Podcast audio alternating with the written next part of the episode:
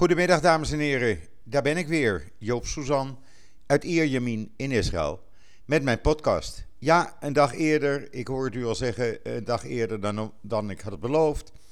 Uh, maar er zijn zoveel ontwikkelingen de afgelopen dagen hier gebeurd in Israël, dat ik dacht van nou, ik maak hem vandaag wel even, de podcast. Dan bent u gelijk helemaal op de hoogte. Ter aanvulling natuurlijk van al het nieuws wat u op JoodsNL kunt lezen. Maar eerst even het weer, zoals gebruikelijk. Ja, ook vandaag, uh, het blijft eentonig. Het is 35 graden. Uh, af en toe wat wolkjes. Uh, de zon die is erg warm. ja, het is zomer. En dat blijft het voorlopig ook. Temperaturen zullen alleen nog maar hoger worden. Om een voorbeeld te geven, ook in de nacht is het nu wat warmer. Zonder airconditioning kan je deze maanden niet eens doorkomen. Want afgelopen morgen, deze morgen toen ik eh, rond kwart over zes de hond ging uitlaten, was het al 26 graden. Uh, ja, afgelopen donderdag, dat wil ik u ook eventjes meegeven, had ik uh, een barbecue van een van de kleinkinderen, uh, ter gelegenheid van een van de kleinkinderen die jarig was. En de ouders hadden mij uitgenodigd van, kom nou naar Tel Baruch strand, Tel Baruch Beach, dat is in Noord-Tel Aviv. En daar heb je aan het strand een uh, aantal groenstroken, grasstroken, waar je kan barbecuen. Het is volledig uh, uitgerust daarvoor. Er is ook een betonnen bak waar je na afloop je hete kolen in kan gooien. Zodat je je hele hebben en houden weer mee naar huis kan nemen. Daar kan je ook uh, kamperen, je kan daar overnacht blijven. En het leuke was, daar was ik te midden van een doorsnee van Israël. Uh, aan onze rechterkant zaten Israëlische jongeren te barbecuen. Aan de linkerkant uh, was een Arabische familie, uitgebreide familie. En achter ons za zaten Druzen te barbecuen. Het was helaas te donker om daar een video van te maken die u goed kon zien. Maar ja, het, uh, het was een typisch Israëlische omgeving, laat ik het zo maar noemen. Waarin dus uh, iedereen uh, ja, gewoon plezier had. En wij hebben uh, vooral met die Arabische familie, we hebben wat dingen geleend, zijn van ons geleend. En we hebben heerlijk zitten kletsen met ze. en het was heel gezellig tot een uur of tien daar s'avonds aan het strand. Want ook dat is Israël. En het is jammer dat al die Israël-haters die Israël beschuldigen van racisme en apartheid dit soort dingen nooit uh, willen geloven. Maar het is toch echt, gelooft u mij, het is echt zoals ik het zei. Ja, en dan, wat is er gebeurd de afgelopen dagen waarom Joop dan op zondag met zijn uh, podcast komt? Nou, u weet inmiddels dat uh, ja, de situatie hier, de economische situatie, niet echt goed is door het coronavirus. Bedrijven die inmiddels open waren gegaan, zijn weer gesloten. Hotels die open waren gegaan zijn weer dicht. Want door alle beperkingen mogen bijvoorbeeld zwembaden niet gebruikt worden en eetzalen kunnen maar een beperkt aantal mensen tegelijk ontvangen. En daarnaast het feit dat uh, er begin april een, uh, een, belofte waren gedaan door de regering onder leiding van premier Netanyahu. Dat iedereen uh, financieel uh, ja, wel iets erop achteruit zou gaan, maar de staat zou zelfstandigen helpen, werklozen helpen, bedrijven in nood helpen. Ja, allemaal mooie beloftes waar niets van uh, terecht is gekomen. Slechts een, uh, iets meer dan de helft van alle getroffenen heeft enige vorm van een financiële tegemoetkoming gezien, maar minder als wat werd beloofd.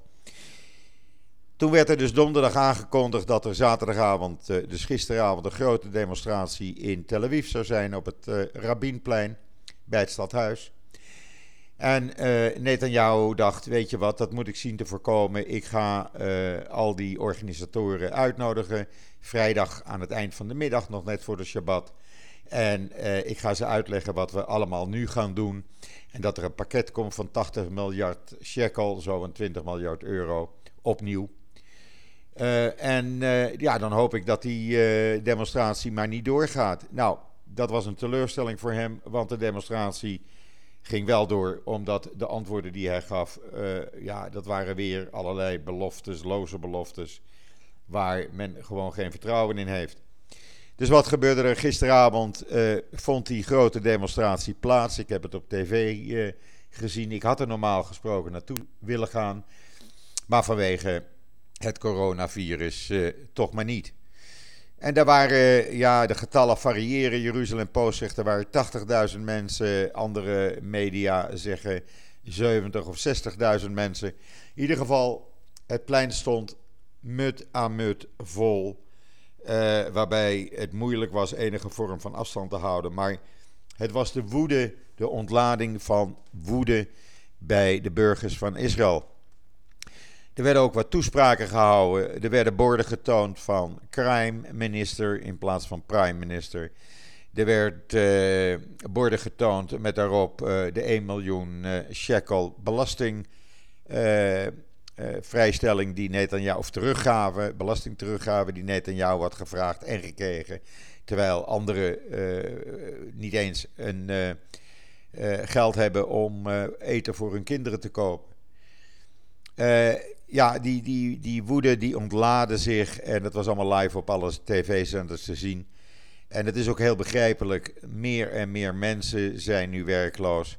Waar we eerst nog net onder de 900.000 werklozen zaten, een paar weken geleden, zitten we nu alweer rond een miljoen. En dat kan niet zo doorgaan. Daarnaast, uh, je kan wel zeggen van ja, uh, we gaan uh, weer geld beschikbaar stellen, maar er is niet eens een budget. Als er een budget is, is het nu al bekend dat er rond 6,5% tekort is. En waar dat geld dan vandaan moet komen, ja, dat is alleen maar geld bijdrukken. Waardoor de inflatie weer gaat stijgen en waardoor de economie nog verder in het moeras gaat zakken. Vandaar ook dat Benny Gans, uh, de plaatsvervangend premier en minister van Defensie van Bloem White, aandringt op een budget voor minstens anderhalf jaar tot eind 2021. Waar Netanyahu zegt: nee, ik wil een budget voor de komende drie tot zes maanden. En daarna zien we wel weer. Uh, dat geeft uh, de orthodoxe partijen en Blue and White weer uh, argwaan. Want die zeggen: hé, hey, als jij dat voor zo'n korte termijn wil, dan ben je uit op nieuwe verkiezingen.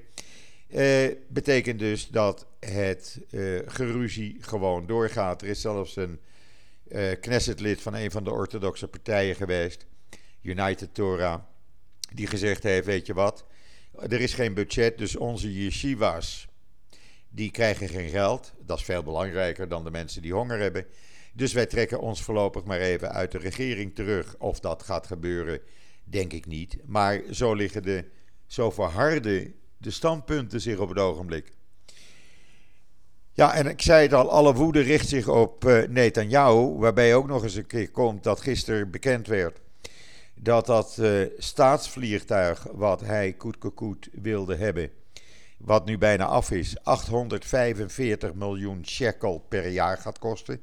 Nou, even snel omgerekend praat je dan over ruim 220, 225 miljoen euro's per jaar aan kosten. Uh, Terwijl de president heeft gezegd: Nou, ik ga daar geen gebruik van maken. Ik vlieg gewoon lekker met El Al of welke andere Israëlische maatschappij als ik eruit ga eh, naar een ander land. Maar op dit moment kan er voorlopig helemaal niet gevlogen worden. Dus dat toestel dat is dan bijna klaar, maar zal niet vliegen voorlopig. En 225 miljoen euro in een tijd waarin een miljoen mensen afhankelijk zijn van een WW-uitkering die als ze geluk hebben, de helft van hun laatst verdiende salaris inhoudt. Maar voor de meesten zal dat zelfs nog minder zijn. Dat kan je niet maken. Dat kan je echt niet maken in een tijd waarin mensen honger hebben, in een tijd waarin bedrijven moeten sluiten, in een tijd waarin er geen toerisme is. Dat kan je niet maken. Dus ook daar richtte die woede zich gisteravond op. Omdat tv-zenders, ja, die hadden dat bekendgemaakt, eh, zeg maar een aantal uren in een, uh, voorafgaand aan die, uh, aan die demonstratie in uh, allerlei nieuwsprogramma's. En ook vandaag maakt het weer headlines in de Hebreeuwse pers in Israël. Dus daar zijn we voorlopig nog niet vanaf. Daar zal nog wel meer over naar buiten komen. Netanyahu heeft niet op de demonstratie gereageerd. de Likud natuurlijk wel. Die vond het maar niets dat er gedemonstreerd werd. Maar ja, die Likud-partij die ziet nu ook dat zijn achterban uh, langzaamaan bij hen weggaat. Omdat men, uh, ja, het is gewoon te moeilijk. Uh, ik zie het ook bij mij in de mol. Gisteravond, zaterdagavond is altijd een avond waarop hele volkstammen, zoals ik het noem, naar de mol gaan. Niet om echt te kopen, maar een hapje te eten na Shabbat, uh, vrienden te ontmoeten, kennissen te ontmoeten, een beetje in de koelte van de mol heen en weer slenteren. Uh, normaal geen parkeerplaats te, uh, te, vinden op zaterdagavond. Er staat de straat vol met stilstaande auto's. maar ja, gisteravond, nou, het parkeerterrein was, als, het, als ik het goed inschat, voor krap 30% bezet. En dat, uh, dat zegt wel wat. Ook nu zie ik uh, dat het parkeerplaats, waar een paar duizend auto's kunnen staan, uh, grotendeels leeg is. Betekent dat we in een, ja, een situatie zitten waarin mensen minder te besteden hebben, bedrijven minder om gaan zetten, winkels gaan sluiten, omdat ze weinig omzetten, personeel wordt ontslagen. Dat is een visieuze cirkel. En het enige wat de regering doet is beloftes maken en onderling ruzieën over een budget en over annexatie. Uh, steeds meer en meer stemmen. Het was verleden week nog 29% die voor annexatie was. Maar ook dat is inmiddels behoorlijk gezakt, want men vindt annexatie helemaal geen prioriteit.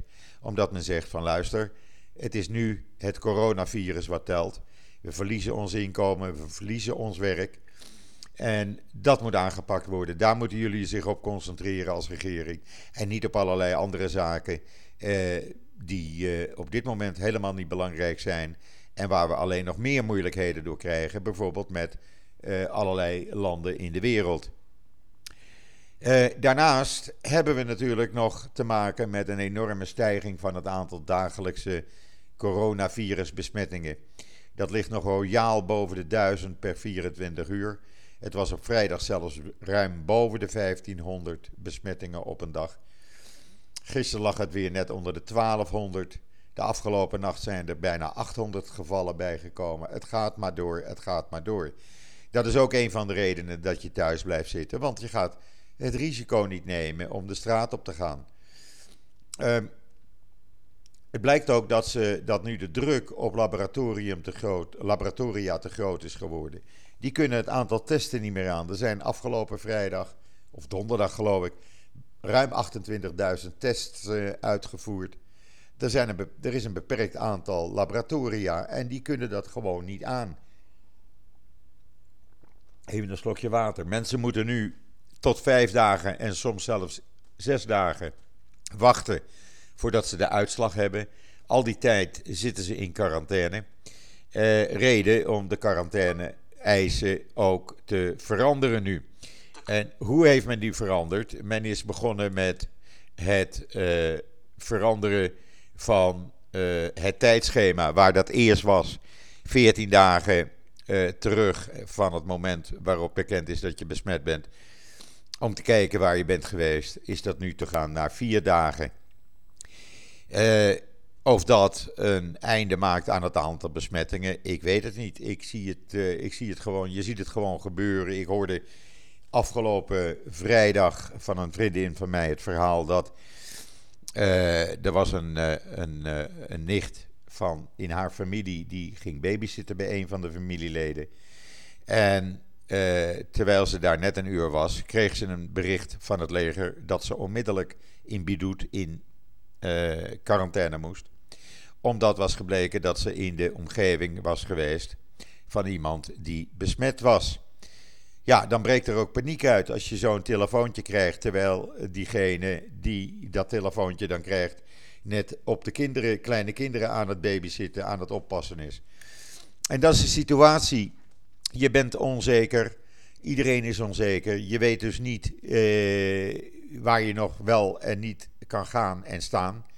Eh, om eerlijk te zeggen, ik ben gistermorgen heb ik niet om zes uur mijn strandwandeling gemaakt. Want ja, ik vond het. Eh, het risico vind ik een beetje te groot op dit moment.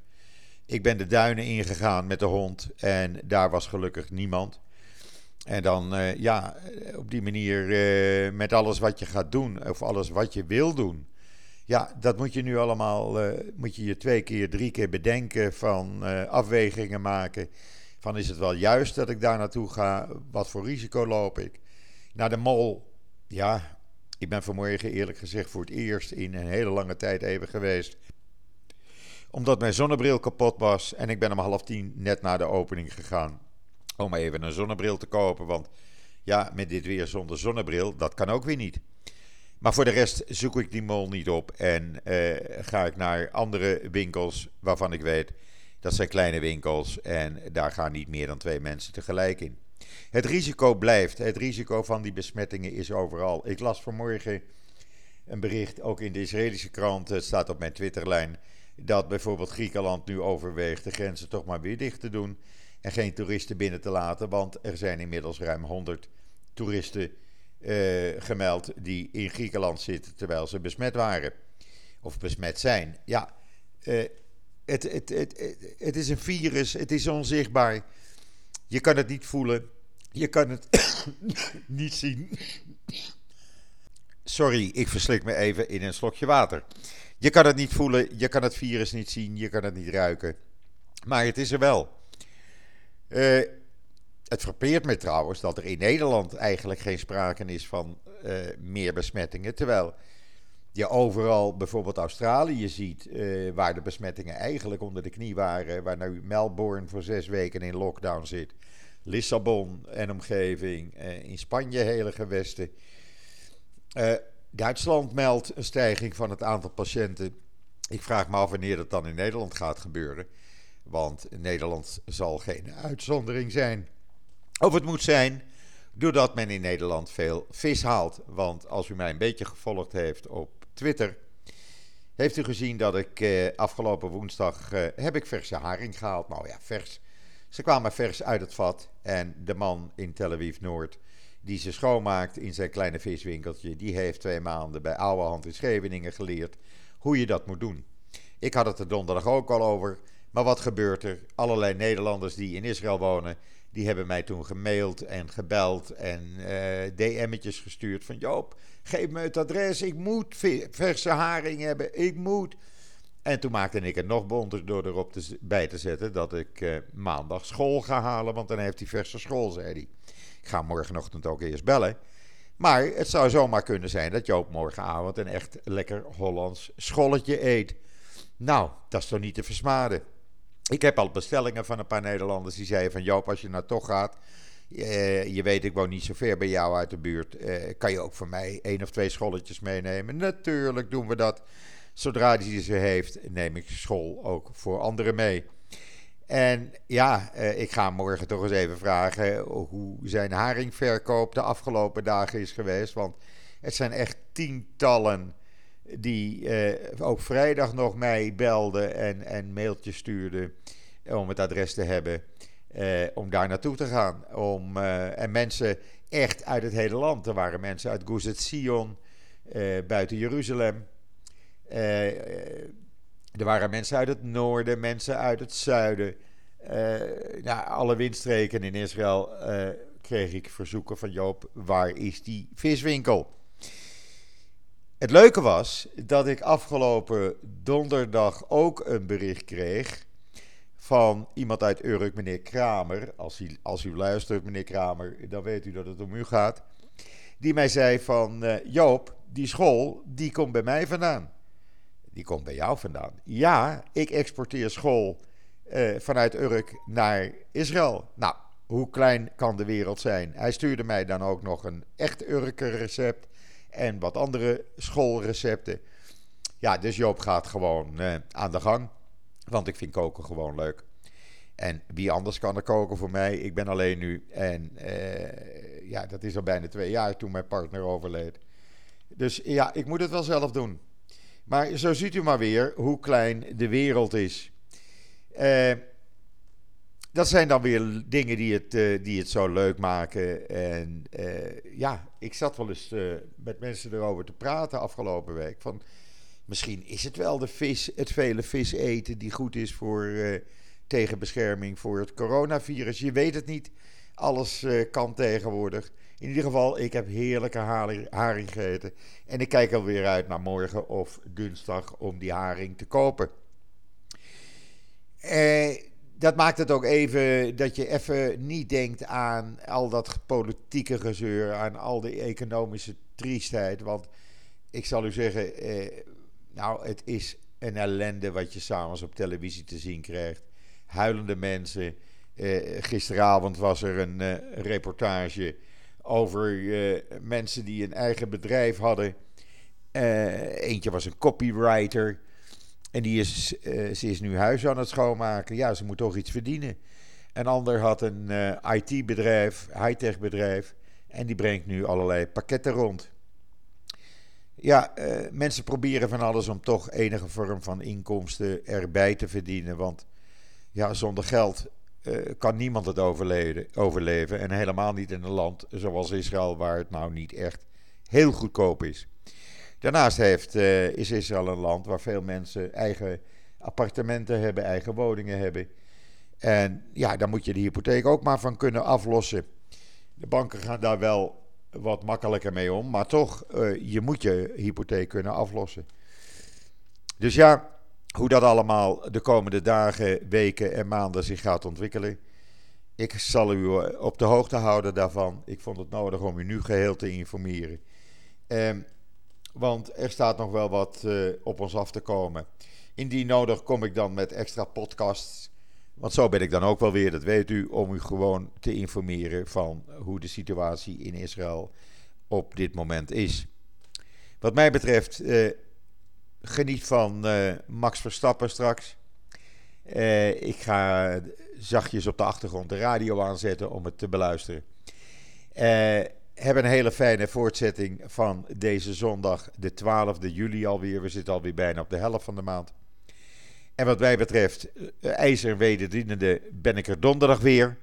Mocht er zich iets voordoen wat ik belangrijk vind, dan zal ik misschien dinsdag of anders woensdag nog wel met een podcast komen. Voor nu zeg ik tot ziens, tot donderdag.